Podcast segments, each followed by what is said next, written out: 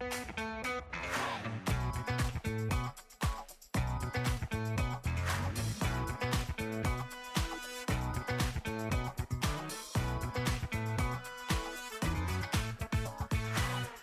הבאים לפודקאסט Community Talks, דיבורי קהילה.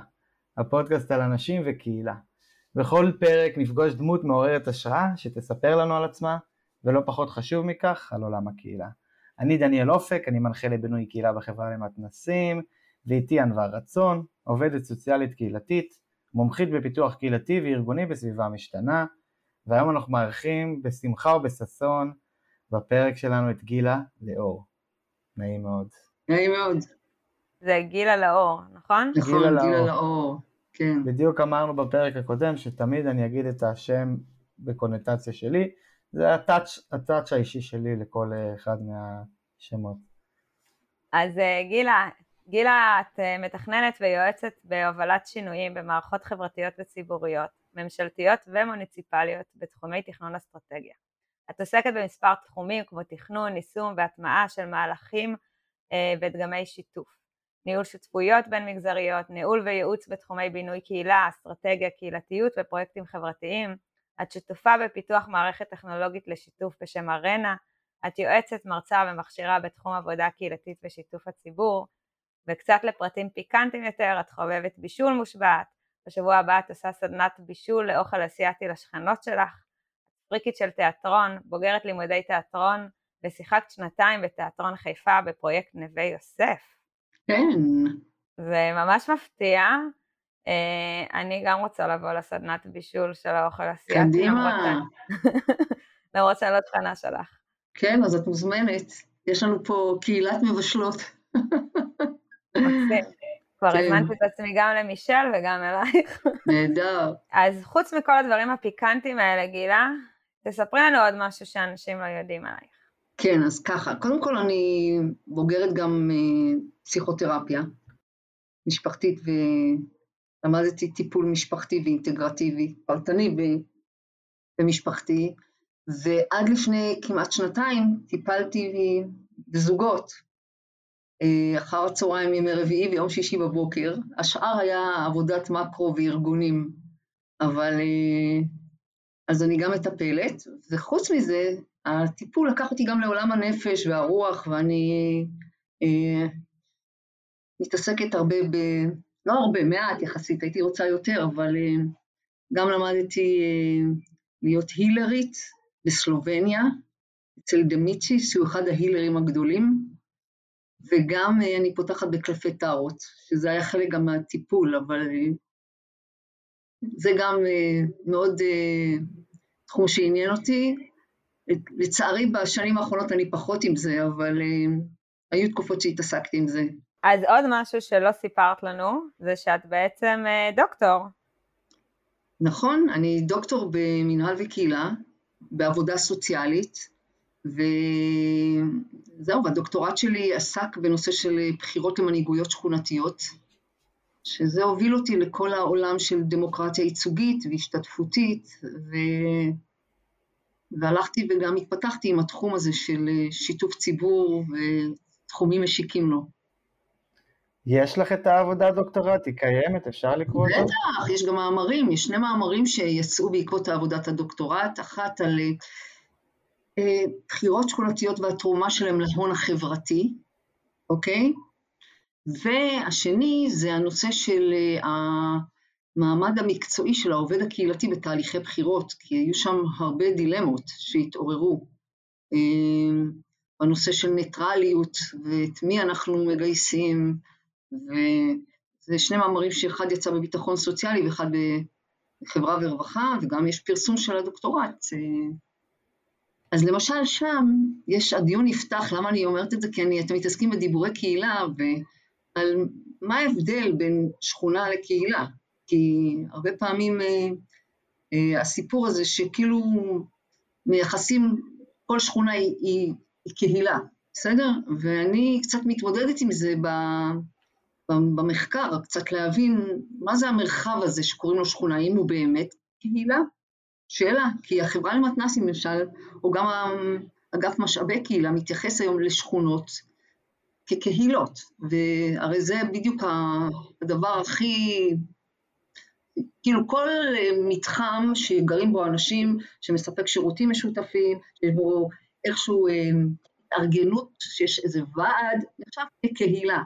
ואני לא בטוחה, כאילו, וזה הוביל אותי אחר כך גם להתעמק במושג הקהילה מול קהילתיות.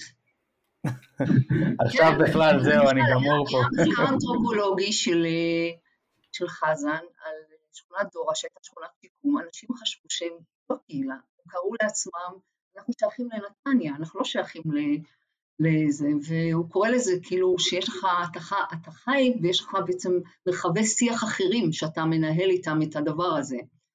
הרבה אנשים שגרים במתחמים גיאוגרפיים, מה שנקרא הגדרה אדמיניסטרטיבית של קהילה, לא מרגישים שהם קהילה בכלל. הם חיים בשכונה, אבל הם לא ממש קהילה. אז, אז יש שם, הפרק שלי בדוקטורט קצת אה, נכנס לזה, אבל אחר כך גם עשיתי מסע שלם להגדרת הקהילה והקהילתיות, שכולם ככה, בגלל העמימות במושג וה... אה, אז אני עשיתי הבחנה בין מסגרת של קהילה שהיא שזה קבוצה של אנשים שיש להם מחנה משותף, יכולים לחיות ביחד או לא, לא משנה, אבל פיתחתי מה שנקרא מדדי קהילתיות. וזה גם היה, דרך אגב, התרומה לחברה למתנ"סים, קצת להבין מה זה ה... זה כאילו התכונה של הקהילה, זה הקהילתיות, ופיתחתי כמה מדדים ש...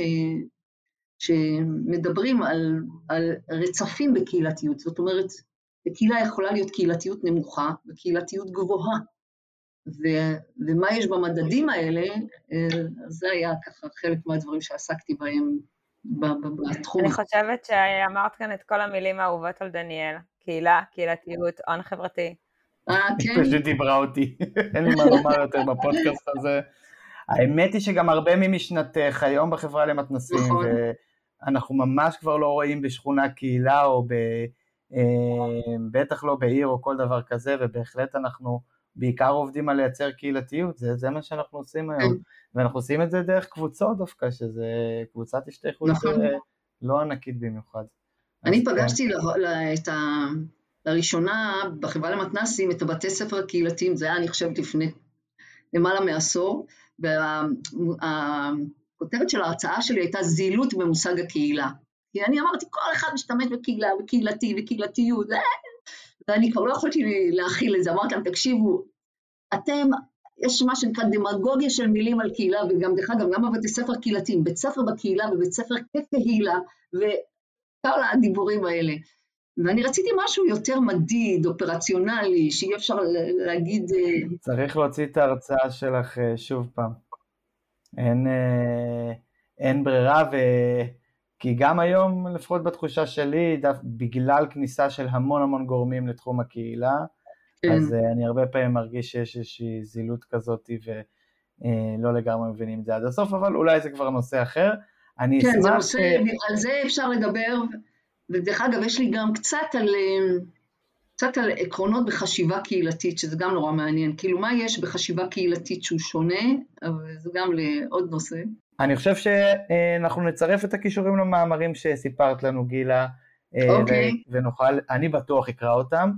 אני כן. רוצה לשאול אותך... ויחסית ישנים. כן. כן, בסדר, הם רלוונטיים. אם מאוד, אני... עדיין הם רלוונטיים. כן. הם אפילו רלוונטיים אולי מתמיד, אבל אני אקרא אותם ונבין קצת יותר. אני כן רוצה שנעבור ככה לדבר על התחום שהתכנסנו אליו, ונראה לי זה תחום המומחיות הכי גדול שלך, שזה הסיפור של שיתוף ציבור. כן. ומה זה בכלל שיתוף ציבור? או-אה. אה, טוב. ו... אה, שיתוף ציבור זה תהליך בו אנשים שלא ממלאים תפקיד ציבורי משפיעים על תהליכי קבלת החלטות. ברמות מסוימות, כאילו, אבל זה... עכשיו, שיתוף ציבור, אה, נעשה על ידי, בדרך כלל, מוסדות ציבוריים, זה החל מיכול להיות רשויות מקומיות, ארגונים ציבוריים וכדומה, וכמובן ממשלה היום שהיא מאוד מאוד התפתחה בכיוונים האלה בארבע שנים האחרונות. הם הגדירו, ולהגדרה הזו גם הצטרפו רשויות מקומיות, שבעצם שיתוף ציבור בא לטייב את ההחלטות שמתקבלות על ידי מעצבי המדיניות, אם זה ברמה הממשלתית ואם זה ברמה המקומית. אז זה ההגדרה. איך את הגעת לתחום בכלל? או-אה, אז ככה, אני שנים רבות, קודם כל אני התחלתי כעובדת סוציאלית קהילתית, בסדר? עבדתי בשכונת נווה אליעזר ושכונת נווה שרת בתל אביב, שהיו שכונות שיקום, שבעצם נכנסו לתהליך שהוא היה אז דרמטי, כי זה 79 בעצם, התפתחו המודלים, התחילו להתפתח המודלים השיתופיים בשכונות, שזה, שהביאה את זה פרויקט שיקום שכונות. אחד, הוא בא ואמר, אני מקים ועדת היגוי אה, בתוך ברשות ובשכונה, ששותפים לתושבים, דרך אגב, ונוצר המבנה הכי שותפותי, היו 11 נציגי תושבים ו-11 נציגי ממשלה. 22 איש ישבו בוועדת היגוי, שזה היה תהליך שותפותי, ואנחנו בעצם היינו צריכים לקדם השפעה של תושבים על תהליכי קבלת החלטות בתוך המרחב הזה, שהיו בו המון משאבים שניתנו לשכונה. זה ניתנו תוכניות חדשות, אה, תוספות תקציב, אה, אה, הרחבות דיור, ואני חושבת שמהרגע הראשון שנכנסתי להיות עובדת סוציאלית קהילתית, הייתי צריכה להתמודד עם איך בעצם במבנה שותפותי מגבירים את השפעת התושבים בתהליכים האלה. ואני חושבת שזה היה המיקרו-קוסמוס שלימד אותי המון על כל החסמים שיכולים לקרות בתהליכים כאלה. אחד, שאיך אנשים יכולים, איך, איך מביאים לשולחן קודם כל את האנשים הנכונים, וזו שאלה שתמיד אנחנו שואלים בתהליכי שיתוף, את מי צריך לשתף? אז, אז הגיעו 11 תושבים שאף אחד לא בחר אותם, חלקם מונו, חלקם היו כבר בוועד, ושאלת הייצוגיות עלתה בעצם את מי צריך להביא, והאם הם, שאלה מגיעים, הם לא צריכים גם לשאול את האחרים, אם הם לא מייצגים, אז איך האחרים ייוצגו? אז איך אפשר לשתף מעגלים יותר רחבים אה, בתהליכים האלה? אז היה שאלת המי, שאלת הלגיטימציה של אלה שאתה משתף אותם, שאלת היכולת שעולה כל הזמן, אלה שמגיעים לשיתוף, כמה הם יודעים, והיה פער עצום בין אנשי המקצוע, האנשים שהיו צריכים לקבל החלטות, לבין התושבים שישבו שם ודיברו איתם במושגים של תקציבים, תוכניות, שירותים, ולא תמיד ידעו מה בעצם איזה דברים צריך, אה, איך, איך, אה, מה שיקולי הדעת שצריך לקחת בחשבון בהקצאת משאבים. אה, היה פער. דבר נוסף, שזה באיזה כלים השתמשו, כי היה כאילו השיח שהיה על השולחן, אבל בעצם אנשי המקצוע היו באים די סגורים לישיבות האלה, אם מכינים את זה עם מנהל הפרויקט, ידעו כבר מה סדר היום, ולא תמיד התושבים היו הבינו, ידעו וקיבלו את המידע באופן... אה, אז כל השאלות האלה, ואני נוגעת רק באמת בכמה היבטים שקשורים לשיתוף, של השאלה שמי הם קהלי היעד, את מי הם מייצגים, כמה מידע ניתן להם לתהליך, איזה יכולת יש להם להשפיע, אה, מה האנשים שישבו שם בחדר, איך הם תפסו את הדיאלוג הזה עם התושבים, שזה תמיד אנחנו שואלים איך המשתף באמת כמה הוא מאמין בתהליך הזה, שהוא עושה אותו והוא מאפשר באמת השפעה לאנשים. לא אפשרו מספיק השפעה לטעמי. על תושבים נעשה גם מחקר הערכה אחר כך אה, על הנושא של, אה, של תושבים בשיקום שכונות, ואנחנו יודעים שיש רשויות מעטות מאוד שבאמת הצליחו לאפשר השפעה. אני רוצה רק לשאול אותך, אנחנו מדברים על איזה שנה אמרת? שנת... אני מדברת על 79, אני התחלתי את התהליך ב-83-84, אבל 79 פרץ שיקום שכונות שהיה יחסית גם מאוד מאוד בא עם מסרים של שיתוף ציבור. לידו הייתה חברה למתנסים, דרך אגב, שגם פיתחה את הדגמים של הנהלות ציבוריות אה, משותפות, שזה גם היה, וזה מאוד הושפע גם, דרך אגב, ממה שקרה בעולם, בתוכניות הפדרליות בארצות הברית ובאנגליה, אה, שהתחילו יותר מסרים של שיתוף, אבל עדיין הפער היה מאוד גדול, כן. אז את יכולה אולי לספר לנו קצת על התהליך הזה שקרה בעולם שיתוף הציבור מהשנים שהתחלנו להזכיר, 79, 82, 84 עד בעצם ימינו אנו, 2021?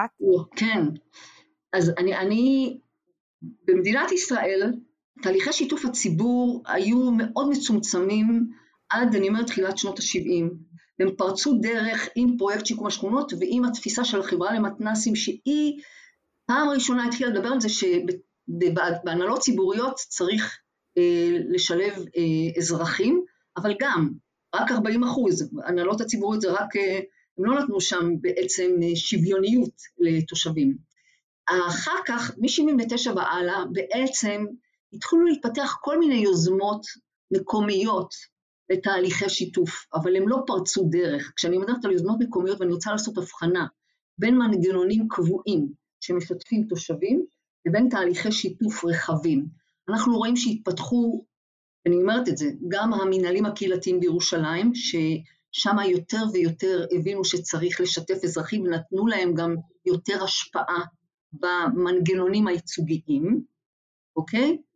אה, וירושלים, רמלה, נתניה, אני בעצם אה, ב-90, בשנות ה-90, החליטו גם שאפשר לפתח מנגנונים שיש יותר ביזוריים לתושבים כמו מנהלים קהילתיים, ששם יש יותר השפעה לתושבים על קבלת החלטות, אבל מושג שיתוף הציבור היה מאוד מאוד קטן, הוא היה דרך אגב קצת בתוכניות בינוי עיר, מאוד תוכניות פיזיות אבל בנקודתי.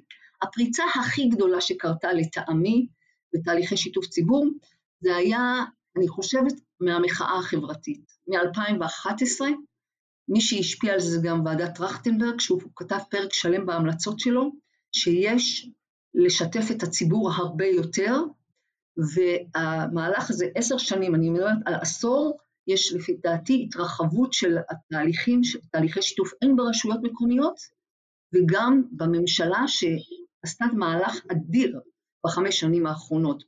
אבל רכטנברג, הוא, אה, כשהוא הקים את הוועדה, הוא בעצם קיבל מאות פניות מציבור וגם הזמין אנשים לדבר, וכל מה שקרה, הדינמיקה שהתרחשה במאבק הזה, מאוד פתחה את הצורך של אנשים אה, להביא רעיונות, אני דרך אגב הייתי שותפה לוועדת המומחים של אה, ספיבק וגם שם הגישו המלצות לממשלה וזה פרץ דרך והיום אה, יותר ויותר וגם דרך אגב כל מה שקשור לנושא של התחדשות עירונית, מה שקורה גם בחמש שנים האחרונות, הבינו שחייבים לשתף אזרחים בנושא של התחדשות, למרות שזה התחיל בשורשים בפרויקט שיקום השכונות, אבל לא זכה ממש למה שנקרא לגיטימציה אה, ממסדית. היום גם המנהלות להתחדשות עירונית וגם התוכניות ש, הפיזיות מחייבים היום, מחייבים אה, לשתף ציבור אה, בתוכניות האלה. עדיין, דרך אגב, יש לי השגות על הדרך שזה נעשה, כי זה לא מספיק, זה מעט מאוד תושבים, מביאים את זה בשלב מאוחר מאוד, אבל לפחות זה נושא שמכירים בצורך ובחיוניות שלו. יש להתמקצע איתו, ואני הייתי מאוד שמחה לדבר על איפה האתגרים המקצועיים של הדבר הזה, כי אנשים עושים המון שיתופים, אבל עדיין אני חושבת ש... ואני גם יודעת שעובדים קהילתיים ואחרים, הדברים היום, אחרי התנסות של שנים, אני מבינה איפה צריך אה, לחזק את התהליכים האלה. אז לפני שנקפוץ למקום הזה, פשוט בשיחה שהייתה, שהייתה לנו לפני, אה, נספר למאזינים שדיברנו איזה שעה וחצי, אני חושבת, בטלפון, כן. נתת לי ממש אה, דוגמאות מדהימות לתהליכי שיתוף אה, ציבור שעשית, ואני מאוד אשמח, יש ככה שתי, שתיים שנחרטו לי בראש, ואני מאוד אשמח אולי שנשתף עם המאזינים, אחד זה עיריית תל אביב, כן. והשני זה נשים... מעגל הזנות. במעגל הזנות. וזה שני נושאים אני חושבת שהם אה, מאוד ייחודיים לשיתוף ציבור ואני ממש ממש אשמח אם תוכלי לספר אולי על שני התהליכים האלה ואז נעבור באמת אולי לחסמים. אז אני, אם אני רוצה לסמן קצת, ודיברנו על שיתוף מערכות מורכבות, ואולי דוגמה של תל אביב מייצגת את זה, זה שאנחנו פעם היו, אה, אני, אני אגיד לכם שיתופים, היו שיתופים שהיו אה, פוגשים אנשים ושואלים אותם, גם במתנ"סים, בסדר? איך אתם רוצים שיהיו אירועי יום עצמאות, בסדר? אני משתפים אנשים... מתייעצים בקיצור, מתייעצים ותו לא. נשארים ברמת ההתייעצות. נושאים יותר פשוטים, נגישים, אני, המנהלות במעלות שבוחבוט בזמנו, אז הוא היה אומר, אני רוצה למשל את, של כל אירוע, אתם צריכים לשאול את התושבים, אירועי ל"ג בעומר, בואו תשאלו מה צריך לעשות. אבל זה לא היה בסוגיות מורכבות ובהחלטות מורכבות, שזה דרך אגב הדברים שאני מתעסקת היום בממשלה, שרוצים לשנות חקיקה, רפורמות, ואיך לוקחים ומנגישים את זה לציבור. אז זה האתגר. תל אביב, מה היה המורכבות שם? אמרו, אנחנו רוצים לשתף את הציבור בתוכניות עבודה. עכשיו, אתם מבינים מה זה תוכניות עבודה? זה המון נושאים. איך משתפים ציבור בתוכניות עבודה של העיר תל אביב-יפו? והיה כאן אתגר רציני. ומה שבעצם עשינו, אנחנו, וזה חלק מהתהליכים שצריך, שהיום אה, צריך יותר ויותר להתמקצע ולהתעמק בהם. איך לוקחים נושאים מורכבים, שבאמת יש להם שם השפעה מאוד גדולה, ומנגישים אותם לציבור באופן פשוט, אפשרי אה, ונגיש. ומה שאנחנו עשינו בעצם, אנחנו בעצם שילבנו כאן אה, כלים. אחד, אנחנו לקחנו את כל הנושאים שיש ברשות, וזה תשעה תחומים, ואנחנו אה, בעצם ביקשנו מכל אחד מהאנשים שעוסקים בתחומים האלה, א', לפרסם את מה שהיה בשנה שעברה ולשים את הדברים המרכזיים שהיו בשנים הקודמות. והזמנו אנשים לבוא ולדון באחד הנושאים, לא בכולם, בכיכר רבין, הגיעו למעלה מאלף איש, אלף מאתיים איש הגיעו סביב תשעה נושאים, אנשים נרשמו מראש לנושאים, ובעצם דנו מה הם חושבים שהעיר תל אביב צריכה לעשות בשנים האל, בשנה הקרובה בתחום הזה, איזה נושאים צריך לטפל בשנה הקרובה. וכשאחרי המפגש הזה, בערב, נפתחה מערכת ארנה, שזו מערכת שאני והחברים שלי פיתחנו, היא מערכת לשיתוף ציבור, מערכת טכנולוגית שזו זירה פתוחה וגם אפשרות למה שנקרא הקצאות. ואנשים נכנסו, אלה שלא היו בדיון, נכנסו לנושאים, יכלו לראות מה היה בדיון בכיכר, ובעצם המשיכו את הדיון בזירה. ובעצם היה כאן, ואלה היום הכלים, שאנשים, יש כאלה שיכולים להגיע ויש כאלה שלא יכולים להגיע. איך אנחנו מאפשרים לאנשים במגוון קבוצות להיכנס ולהשפיע, ובנושאים, ש, והם גם יכולים להשתלב גם בתוך שיח. אז הכלי הוא זירה פתוחה וזה לא שאלון וזה לא... אז אנשים גם ראו מה אחרים אמרו ויכלו להשתלב, להגיב על זה, לעשות לייקים.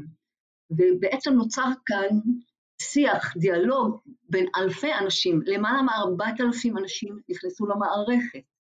ואפרופו, אם אנחנו מדברים על קהילה, אז אני, זה להראות לכם את הקשר גם בין שיתוף ציבור לקהילה, כי בעצם נוצר כאן שיח בין אנשים סביב עניין משותף, שיכול היה אחר כך להתפתח לדברים נוספים. אז, אה, ולכן יש כאן משהו שהוא אה, מבחינתי אה, אתגר מאוד רציני, איך לקחת תהליכים כאלה ולנסות לעשות אותם הרבה יותר, גם ברשויות וגם במשרדים, ואנחנו באתגר הזה יום-יום. דוגמה שנייה, שרצית שאני אספר, נכון?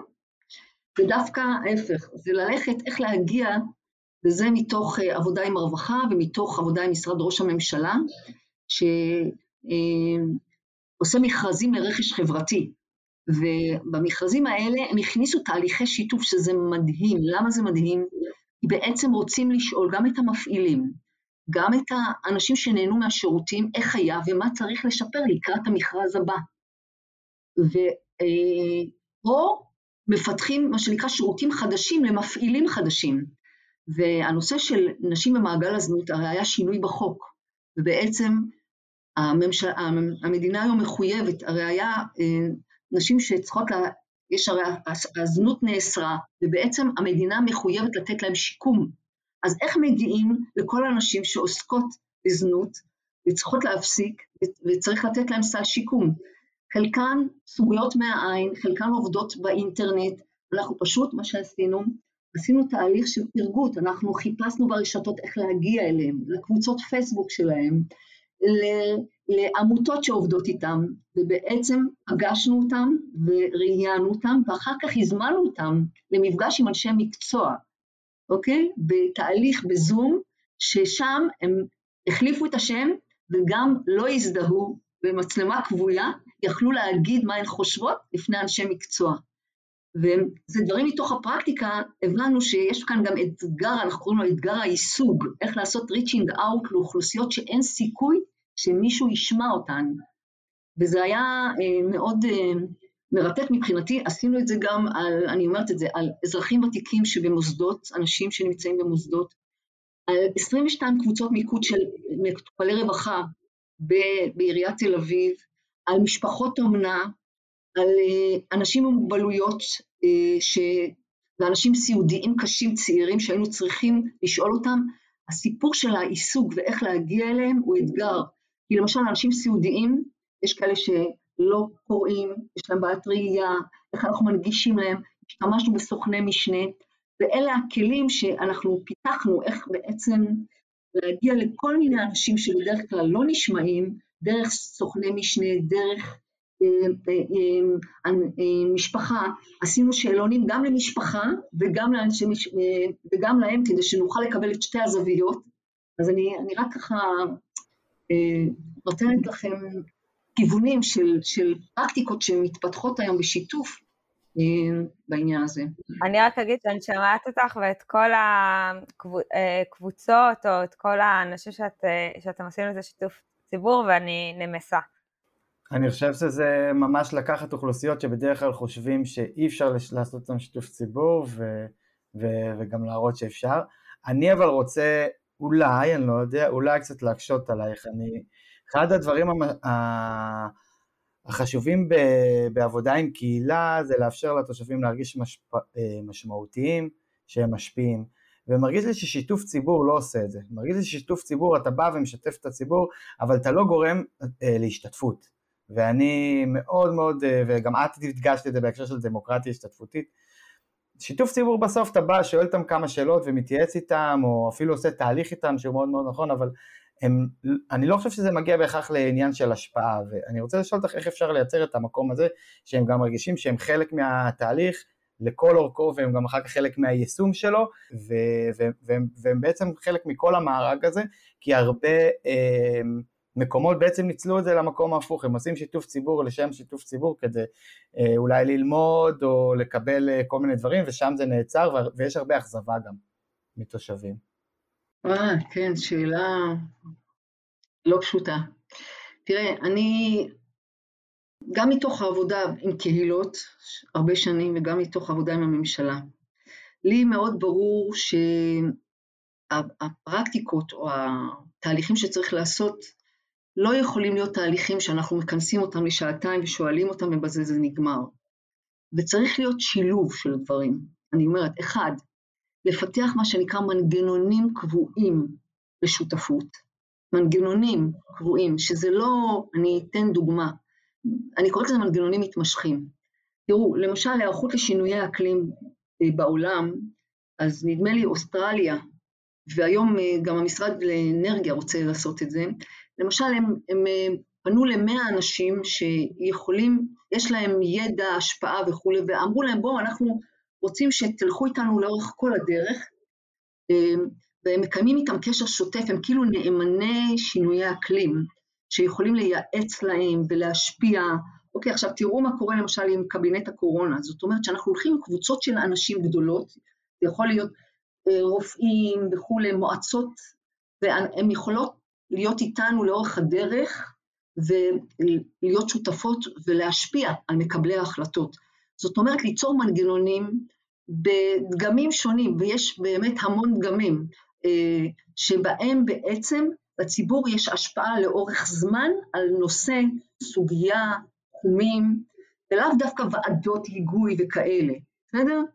אז זה למשל, אה, בקהילה למשל, יכולים להיות מה שנקרא חובבי, אני קוראת לזה הירוקים, הנה עכשיו עשינו את זה עם אנרגיה, אנשים שמה שמעניין אותם זה קיימות. אז הרשות יכולה לייצר פורום קבוע של קיימות שהיא פוגשת אותו מדי פעם, כל רבעון או כל כמה חודשים, ורוצה להיוועץ איתו על נושאי קיימות. כי זה אנשים שאכפת להם, הם רוצים, יודעים, ואני מאוד מאמינה בקבוצות גדולות כאלה, שיש להם תחומי עניין, אה, רצון להשפיע בתחומים מסוימים, והרשות מקיימת איתם קשר שוטף, אוקיי? למשל, במשרד הגנת הסביבה יש פורום של הארגונים הירוקים. פעם זה היה רק סביב משברים, היום מבינים שצריך לשמור איתם על קשר. במשרד האנרגיה רוצים לשמור קשר עם כל התעשיינים, כי יש סיפור של, של צריכת גז וצמצום גז, אז הם אומרים בואו נקים קבוצה של 100 תעשיינים שאנחנו נלך איתם לאורך הדרך, אני נותנת דוגמה, ואלה אה, יכול להיות גם אה, שאנשים מרגישים שהם מעדכנים אותם, הם יודעים מה קורה, הם יכולים להשפיע, ו... אה, אז זה דבר אחד. זה במשולב עם מה שנקרא מהלכים קצרי טווח, שצריך אותם לפעמים. מהלכים שיש לציבור מה להגיד, והשילובים האלה הם מצוינים. זה לפעמים לצאת בזירה מקוונת שאתה רוצה לשאול. אני נותנת תמיד את הדוגמה של זיכרון, הוא רצה לעשות שמירה, הוא פשוט הוציא, פתח זירה ואמר, האם אתם בעד שמירה או נגד שמירה? אני לא יודע. והוא עשה משאל עם. הוא אמר, מה שיחליט הציבור זה מה שאני אקבע. כי הוא נורא התלבט, אוקיי? אז, אני, אז דוגמה למשל, שיש סוגיות שרוצים לשאול את הציבור, וזה קצר טווח. לפעמים יש סוגיות על סדר היום שרוצים שאנשים יגידו ולא חייבים לשמור איתם על קשר. גם במהלכים האלה, מה שחשוב זה באמת לחזור ולעדכן אותם, כי אחת הבעיות שקורות, שאנשים מרגישים לא משפיעים כי לא אמרו להם, לא חזרו אליהם, לא עדכנו אותם, לא, לא יודעים מה התקבלה ההחלטה, וזה חלק מהבעיות בתהליכי שיתוף. אם היו עושים אותם נכון, אה, אה, אומרים מה ההחלטות שהתקבלו, אנשים היו מרגישים שהם משפיעים, אנש, המון שיתופים פשוט לא נסגרים, לא חוזרים לאנשים, לא אומרים להם מה עשו עם הדבר הזה. אז אני אומרת, אם נעשים הליכים שהם קצרי טווח נכונים, בבניית מנגנונים בדגמים שונים, בנושאים שונים, בהיקפים, מה שנקרא, גדלים שונים, אה, אני חושבת שהשילוב הזה אה, הוא טוב, ויש גם מה שנקרא אה, מבנים ייצוגיים, כמו הנהלות ציבוריות וזה, שזה ייצוגי וזה נבחרים. אז שלושת ההיבטים האלה, אם יהיה להם מה שנקרא תמהיל, אני קוראת לזה תמהיל ממשקים עם הציבור, לפי דעתי זה יכול, יכולה להיות לזה השפעה. אני רוצה לשאול אותך, כי היו אצלנו שתי נשים מדהימות, מאיה ושני, שהן עוסקות במנהיגות השתתפותית ובשיתופיות. ומעניין אותי לשאול אותך איך את רואה את ההבדל בין שיתופיות לבין שיתוף ציבור, ואם בכלל יש הבדל כזה. אה, תראי, בשיתוף ציבור זה נשמע נורא פסיבי כזה, כאילו באים ושואלים את הציבור, בסדר? זה נשמע אקט מאוד פסיבי, אבל תלוי באיזה הדגמים, שאני, הדגמים שנקרא הדגמים השותפותיים יותר, כמו למשל, אני אתן לכם דוגמה, שולחן עגול של משרד ראש הממשלה. זה עבודה בין מגזרית, שאנשים שם שותפים, זה לא שיש מישהו שואל אותם שאלות והם עונים, הם כולם עובדים, ויש המון אה, דגמים שהם מאוד שותפותיים, שאנשים שם מאוד אקטיביים, גם מביאים משהו לשותפות, הם אומרים, המגזר השלישי לוקח לעצמו לקדם נושא של אזרחות ותיקה פעילה, אוקיי? שיש אקטיביות, ובשבילי, אם התהליכים של, מה שנקרא שותפות, אה, הם נבנים נכון, אז, אז יהיה פה שיתופיות. כי שיתוף ציבור נשמע מילה, גם דרך אגב, לפעמים גם הממשלה עשתה את ההבחנה בין שיתוף ציבור לשותפות אה, תלת מגזרית או שותפות בין מגזרית, ואמרתי להם, תקשיבו, זה, שותפות בין מגזרית זה דגם יותר שותפותי. אוקיי, אם אנחנו מדברים על רמות השתתפות, אז יש דגמים בשיתוף שהם שותפותיים יותר, שוויוניים יותר, אקטיביים יותר, לעומת דגמים שהם קצת יותר חד-סטריים, uh, שהמשתף כאן הוא הקובע מה תהיה השאלה, מי המשתתפים, והמשתתפים הם רק אלה שמביעים את עמדתם. אז יש פה איזה רצף אני חושבת, וצריך לדעת מתי לעשות מה, כי לא תמיד מתאים, יש דברים שלא תמיד הייתי עושה דגם שותפותי, אוקיי? וזה הסיפור שאני, אחד האתגרים היום, זה הסיפור של תכנון מותאם. איך בעצם מתאימים את מה שנקרא אסטרטגיית, אסטרטגיית השיתוף וכלי השיתוף לנושא הנידון ולקהלי היעד. והרבה פעמים אין התאמה. מחליטים על, על נושא, מביאים אותו לפעמים לאנשים הלא נכונים, בדגם קצר מועד שדווקא הוא צריך יותר דווקא אפשרות העמקה, ויש נושאים שהם לא צריך להעמיק בהם, שלפעמים אנחנו רוצים לשאול כדי לקבל איזושהי החלטה, או גם לא, גם לא להוציא הרבה משאבים, שיש פה את הסיפור של עלות תועלת. איך עושים תהליכים כאלה שהם לא יקרים ועם תשומות גדולות. ואנחנו נמצאים כל הזמן במתח הזה.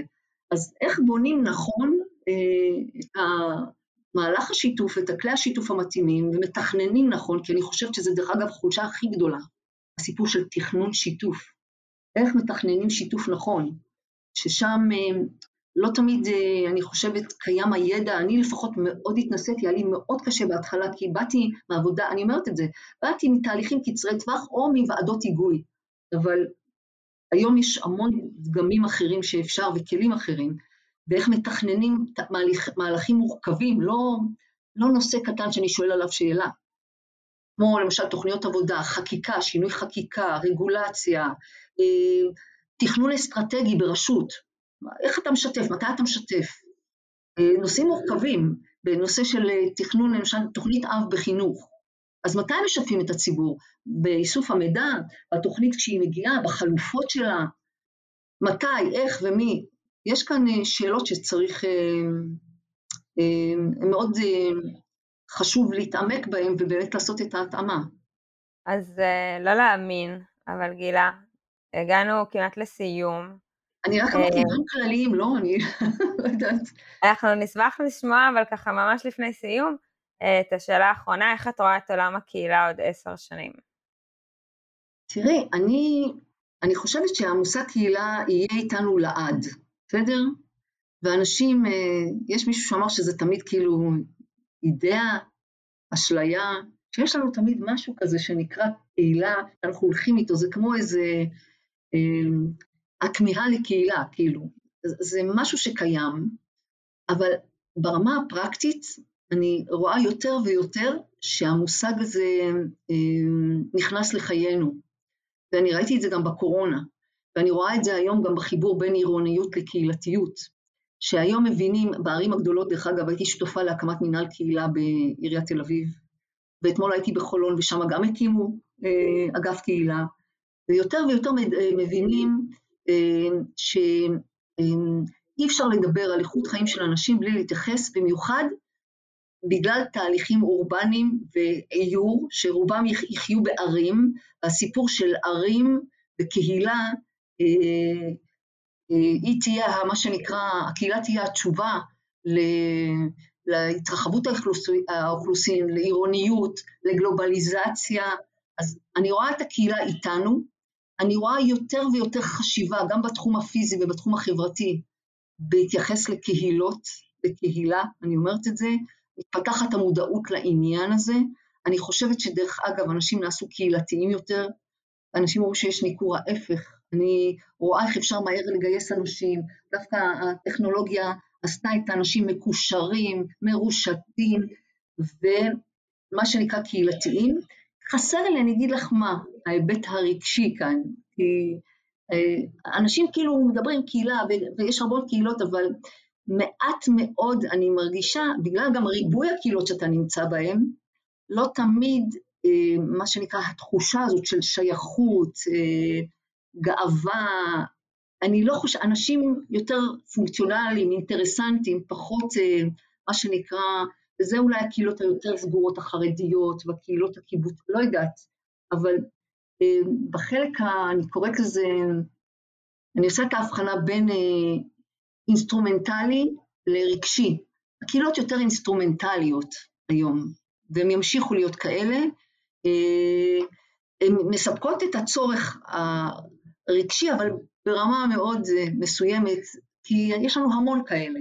אז, אז היא תהיה איתנו והיא תתפתח לטעמי, כי היא תהיה תשובה לתהליכים גם הגלובליים וגם האורבניים, ככה זה נראה לי, ואני מאוד שמחה על זה. תודה רבה על המילים. אז ממש הגענו לסיום. אה, אנחנו נזכיר לכולם ששבוע הבא אנחנו נעלה עם פרק נוסף. אה, יש לנו את הערוץ יוטיוב שהוא כבר לא חדש, ויש לנו את הערוץ טלגרם שנקרא גם דיבורי קהילה, אה, שאתם מוזמנים להיכנס ולהצטרף אליו. וזהו. תודה רבה גילה. ביי ביי לגילה, להתראות ולענווה. להתראות.